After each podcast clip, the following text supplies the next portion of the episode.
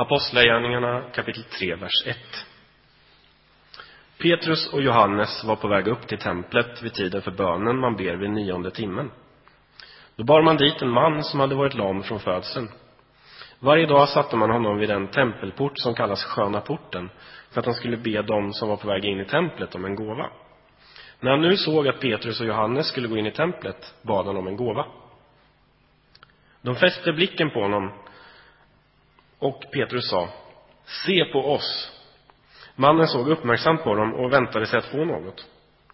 Men Petrus sa Silver och guld har jag inte, men vad jag har, det ger jag dig. I Jesu Kristi Nazarens namn, stig upp och gå. Och han tog honom i högra handen och reste honom upp. Genast fick mannen styrka i fötter och vrister. Han hoppade upp, stod upprätt och började gå och följde med dem in i templet. Han gick och hoppade och prisade Gud. Allt folket såg honom gå omkring och prisa Gud. Och de kände igen honom och såg att det var mannen som brukade sitta och tigga vid sköna porten. Och de fylldes av förskräckelse och förundran över det som hade hänt med honom.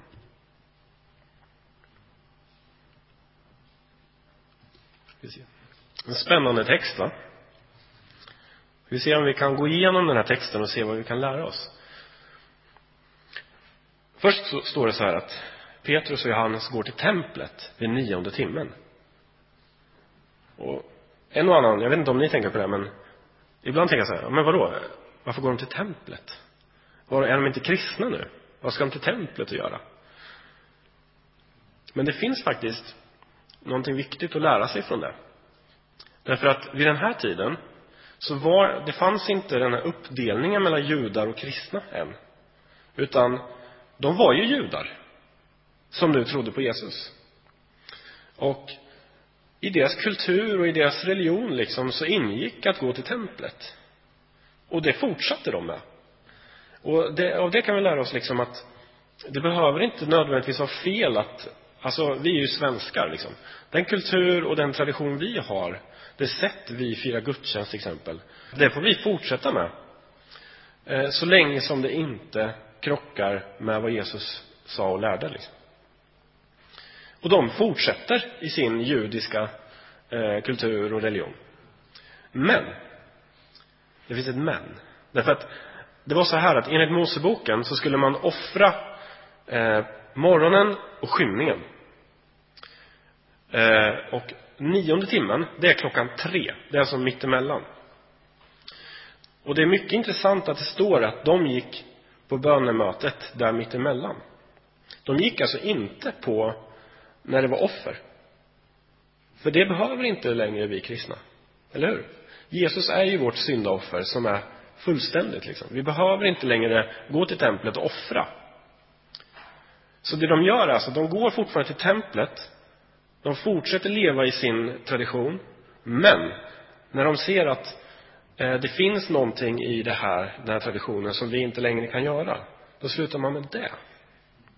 Och det är en viktig princip som man behöver ständigt gå igenom. Vad i mitt liv som jag tidigare har levt är fel? Och vad behöver jag sluta med? Och det är en sån sak som man ständigt liksom får gå igenom och leva med liksom under hela sitt liv. Eh, jag har ett exempel. Eh, när jag gick bibelskola på Bjärka Säby, då var jag precis nykristen. Bara något år gammal liksom. Eh, och jag var väldigt på liksom. Jag var brinnande ung kristen. Och så hade jag, från mitt, så att säga, tidigare liv, då var jag ravare. Och då var det, hade man ju flashiga t-shirtar och grejer liksom. Så var det en då, och, knark är ju en stor del av ravekulturen. Så då hade jag en t-shirt då med fiskar som rökte på. Eh, och den gick omkring med, det var min, min finaste t-shirt liksom. Ehm, det gick omkring med där på bibelskolan liksom och tyckte, tänkte inte på att det var något konstigt liksom. Eh, harsande fiskar liksom.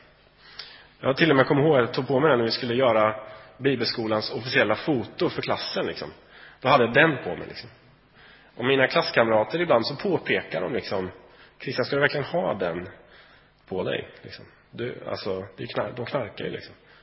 Och då, då blir det alltid så här, när någon säger åt mig vad jag inte får göra, då blir det liksom, det ska väl inte du bry dig om liksom. Du ska väl inte komma här och tro att du har något att säga till mig liksom. Och så börjar man så här eh, eh spotta över eh, fromma frikyrkokristna som tror att de vet bättre och sådär, ni vet. Men efterhand så var det som att det liksom, ja, man börjar tänka och kanske är det så att den heliga ande också börjar faktiskt pocka på en lite så här, Christian, ska du verkligen ha den här på dig? Och till slut inser jag att, ja men de har ju rätt liksom. Arg. Och så gick jag och slängde den t-shirten liksom. Och så tror jag det kan vara i livet att man allt eftersom så uppenbarar Gud för oss det här som du har haft i ditt liv tidigare, det behöver du sluta med. Alltså du måste, jag tror inte att Gud direkt så här, från första början, så fort du blev kristen så måste du sluta med allt liksom. Jag tror inte Gud arbetar så med oss. Däremot är det en livslång process det här. Och det får man aldrig sluta med. Du får aldrig sluta ifrågasätta dig själv. Och din tradition och din kultur. En ständig om, omvändelse från sig själv alltså. Som man måste leva med liksom. Men samtidigt behålla det som du har från tidigare som var bra. Det gör ju eh, Petrus och Johannes. De går ju till templet. Det är inget fel i det. Okej, vi hoppar in igen i situationen här nu i bibelberättelsen. De går till templet och där är en lam man. Och han har varit, hans situation är hopplös. Han har varit lam från födseln. Folk bär honom dit varje dag då, förmodligen, eh, för att han ska tigga, så att han ska kunna överleva dag för dag i den här fruktansvärda situationen som är, måste ha varit för honom. Så han sitter där och ber om lite pengar liksom. Och så står det att Petrus tittar på honom. Och där tycker jag, det här ögonblicket är så intressant för att här har vi en man, den lame mannen, som förväntar sig lite pengar. Men vad är det han ska få? Någonting helt annat. Därför att eh, den här mannen har inte förstått vilka otroliga andliga välsignelser det finns hos Gud. I Efesierbrevet så står det så här att vi har fått all den himmelska världens välsignelser. Den här mannen förväntar sig lite pengar. Men han förstår inte vad det är som väntar. Vad han faktiskt kommer få. Och här ibland kan jag känna igen oss kristna idag. Jag kan nästan eh, se mig själv i den lame mannens situation. Alltså, man förväntar sig inte så mycket från Gud. Är det någon mer än mig som känner igen sig i det? Att det finns så otroligt mycket som Gud vill ge. Sådana välsignelser, helande, upprättande. Men när man kommer till Gud så ber man om så lite. Lite pengar kanske, så att vi klarar dagen. Bara så att vi överlever från dag till dag. Ibland funderar jag på till och med om det kan vara så att man missar väldigt mycket som Gud vill ge oss. Därför att vi gör som den här lame mannen. Vi begriper inte hur mycket Gud vill ge oss, så vi ber inte heller om det. Vi har för lite tro, tror jag. Vi förväntar oss för lite. Men man ska också komma ihåg att den här mannen hade inte så mycket tro, men han fick ändå det som Gud ville ge honom. Så ibland kan man hänga upp sig på det här att man mår dåligt över att eh, man känner att man måste tro mer för att kunna få mer. Men å andra sidan fick ju den här mannen faktiskt otroligt mycket utan att han trodde på det egentligen. Eller förväntade sig åtminstone. Men jag vill att vi kommer ihåg det att Gud vill ge oss väldigt mycket. Och vi behöver lyfta blicken på något sätt och se längre, se större. Och sen då, så svarar Petrus här. Silver och guld har jag inte, men vad jag har, det ger jag dig. Jesu Kristi Nazarens namn, stig upp och gå. Och ibland kan jag tänka så här att vi eh, kristna idag, om man tittar runt om i världen, i alla fall i västerlandet, vi säger tvärtom. Silver och guld, det har vi. Men tyvärr kan vi inte ge dig ett helande. Alltså, någon som känner igen sig där? Tyvärr. Det är ju väldigt tråkigt att det är så. Och det är någonting vi behöver omvärdera. Kanske är det så att vi har blivit för rika, liksom. Vi har det för bra. Så vi tänker inte längre på allt som Gud kan ge. Däremot har vi möjlighet att kanske ge lite pengar. Men inte så mycket mer. Det är en utmaning för oss. Och min bön är ju att man ska, hamnar man i en sån här situation, att man faktiskt kan säga det. Ja, tyvärr, vi har inte så mycket pengar. Men vi har något annat som är mycket bättre. Därför att att få pengar hade ju bara den här mannens situation, om han hade fått pengar bara, då hade han ju bara, eh, det hade bara underlättat hans situation istället. Alltså han hade ju bara ytterligare en dag kunnat, kunna nästa dag återigen då leva en dag till liksom. Eh, och gå till templet och tigga vidare liksom. Han, han hade aldrig blivit eh, upprättad om han bara hade fått pengar. Och det är ju också så här att i vissa kristna sammanhang så finns det en felaktig uppfattning att målet med livet, och, eller vad man ska kalla det, är att vara rik. Och att man kan se på personer att eh, de är välsignade av Gud om de har mycket pengar. Det är en felaktig uppfattning. Livet går inte ut på att tjäna pengar. Eh, Petrus och Johannes säger ju här att vi har inga pengar. Vi har något mycket bättre. Meningen med livet är att komma närmare Gud. Och att få ta del av det som den här lame mannen snart ska få vara med om. Total upprättelse. Det är mycket bättre än att ha en massa pengar. Jesus själv har sagt att vi behöver inte bekymra oss om pengar. Det ska vi få liksom. Bekymra er om Guds rike istället. Hur som helst. Eh, Petrus, han säger så här. Men vad jag har, det ger jag dig. Och där vill jag också stanna upp några sekunder. För att eh, efter att man har predikat en sån här, sån här text så vill man ju inte se folk springa runt och leta efter folk som sitter i rullstol och sen rycka upp dem och, och tro att de blir helade liksom så här och, förstår ni vad jag menar? Det, det är inte så man ska tolka den här texten, att vi har, vi kristna har fått Guds kraft och kan bara dra i folk som är handikappade och så blir de automatiskt helade liksom. Det är absolut inte så den här texten, eh, textens budskap. Det är så här att det som Petrus har, det ger han. Vad är det då Petrus har? Jo, han har fått ta del av Guds kraft och Guds gåvor. Gud kan ge oss olika gåvor. Det finns flera gåvor beskrivna i Bibeln. Och minst två av dem kan jag se att Petrus använder sig av här. Den första är ju givetvis gåvan att bota sjuka. Det är ganska uppenbart att den gåvan är väldigt inblandad i det här dramat som utspelar sig. Personen i fråga blir ju helad. Så den gåvan använder sig Petrus av. Det andra det är trons gåva. Att på ett väldigt speciellt sätt få en övernaturlig visshet om att den här mannen kommer bli helad nu. Att han vet det. Den gåvan använder sig Petrus av här. Han vet det. Eh, och har du, har du inte fått den gåvan, då ska du inte göra som Petrus vill jag förmedla. Men däremot, har du fått den gåvan och kan veta sådana här saker, då ska du använda det. Men kom ihåg det. Petrus säger, vad jag har, det ger jag dig. För Petrus hade fått det här. Det är mycket viktigt att komma ihåg. Men det är också en utmaning till oss kristna av idag att söka de här gåvorna. Paulus skriver det i ett av sina brev. Sök efter de andliga gåvorna. De finns. Och Gud vill ge det till dig. Men du måste söka dem.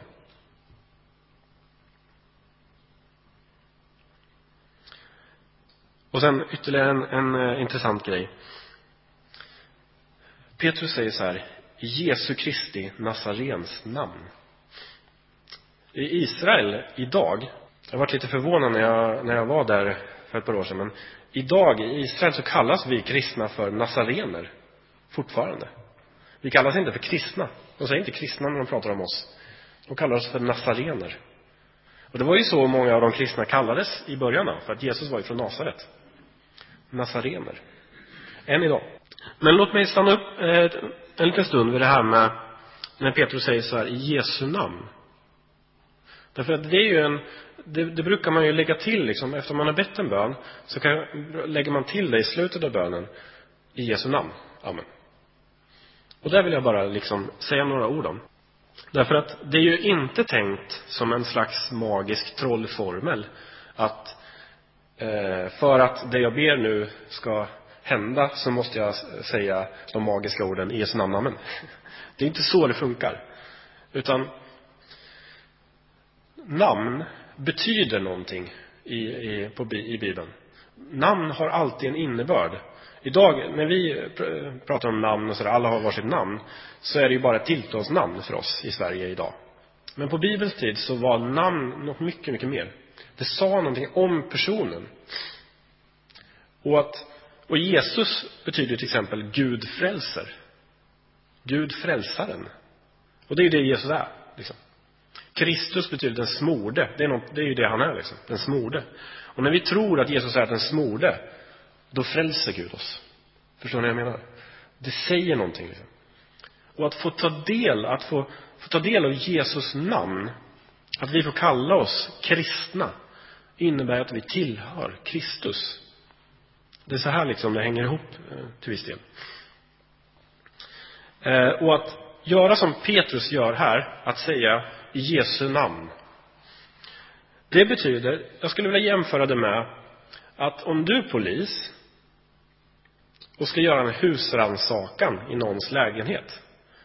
Då måste du, så vitt jag förstår, ha ett dokument med dig med en husrannsakans dokument liksom. Signerat av polischefen eller någonting sånt. Annars får du inte göra det enligt lagen. Du har inte rätt att gå in och göra en husrannsakan annars. Så du måste ha med dig det här dokumentet påskrivet av chefen för att få tillträde. Ungefär så kan man säga att man ska använda Jesu namn. När du ber för någon eller när du gör någonting sånt, då kan du säga i Jesu namn. Därför att Jesus ger dig, han signerar det du, det du ber om. Du har, han säger liksom att du har rätt att använda Guds kraft. Förstår ni vad jag menar? Han signerar det du gör. Så, alltså kan man använda Jesu namn. Att du har rätt att, eller Jesus tillåter dig att göra det här. För att vi vet ju alla att Petrus kan inte bota en sjuk. Petrus kan inte göra den här lame mannen frisk. Det går inte. Men Jesus kan. Och när Petrus använder Jesus auktoritet, då kan den lame mannen bli frisk. Ja, sen står det så här att eh, avslutningsvis här. När Petrus tar tag i honom och drar upp honom, då står det att genast fick mannen styrka i fötter och brister. Ofta i samband med ett helande så föregår helandet av någon form av troshandling. Ni kanske känner till att Jesus han uppmanade, eh, han, han skulle bota en lam. Då uppmanar han den lame mannen, han säger till honom så här, ställ dig upp. Och det är när han ställer sig upp som han blir frisk. Det är samma sak som händer när en man med en förtvinad hand. Det, då säger Jesus, sträck ut handen. Och det är när han sträcker ut handen som den blir frisk. Förstår ni vad jag menar? Och här är samma sak. När Petrus tar tag i honom och drar upp honom, när han ställer sig upp, det är då han blir frisk. Och sen står det att han hoppar omkring. Och det tycker jag är så roligt. Därför att tidigare så var hans situation hopplös. Men nu hoppar han. Det är ju sån klockren liksom beskrivning av Guds upprättelse. Han har gått från hopplös till hoppig. Och det är så Gud arbetar med oss liksom. Han tar bort det som är fel och gör oss så att vi hoppar omkring och prisar Gud. Liksom. Och till sist här nu. En lite tråkig grej. För att han hoppar omkring där inne i templet liksom och är jätteglad liksom och prisar Gud. En fantastiskt perfekt, jättebra reaktion, respons på vad Gud har gjort. Att prisa Gud liksom. Men folket som ser honom, hur reagerar de egentligen? Tänkte ni på det? De blir förskräckta. De har alltså sett den här mannen. De vet vem det är. De vet att han har varit lam sedan födseln. Han har varit lam i 40 år. Och de har sett han här vid templet dag efter dag efter dag efter dag. De vet att eh, han kan inte gå. Och framförallt inte hoppa liksom. Så de blir rädda när de ser att Gud har gjort någonting. Hur reagerar du när eh, du får se Gud göra någonting? Prisar du Gud? Eller blir du, tycker att det är kusligt liksom? Att man blir förskräckt liksom? Det är viktigt eh, också, reaktionen och responsen på vad Gud har gjort. Jag tycker också det är intressant att den här mannen har alltså varit där väldigt länge vid templet, dag efter dag. Och vi vet att Jesus var ofta i templet. Jesus måste ha gått förbi han många gånger. Eller hur? Men den här mannen blev inte helad av Jesus. Varför inte då? Varför helade inte Jesus när han gick förbi? Jo, det vill jag faktiskt lyfta fram en sista poäng här. Att ibland så måste vi vänta på Guds rätta tid. Jesus visste att den mannen ska bli helad vid ett senare tillfälle av Petrus. Och det visste inte den lame mannen. Men ibland är det viktigt för oss att invänta Guds rätta tid, Guds timing. Han vet när det är dags. Och att liksom ödmjuka sig i det och förstå det. Tiden kommer. Vi vet inte alltid när. Men att ödmjuka sig i det liksom. Han blev inte helad när Jesus gick förbi, men vid ett senare tillfälle, när Petrus var där.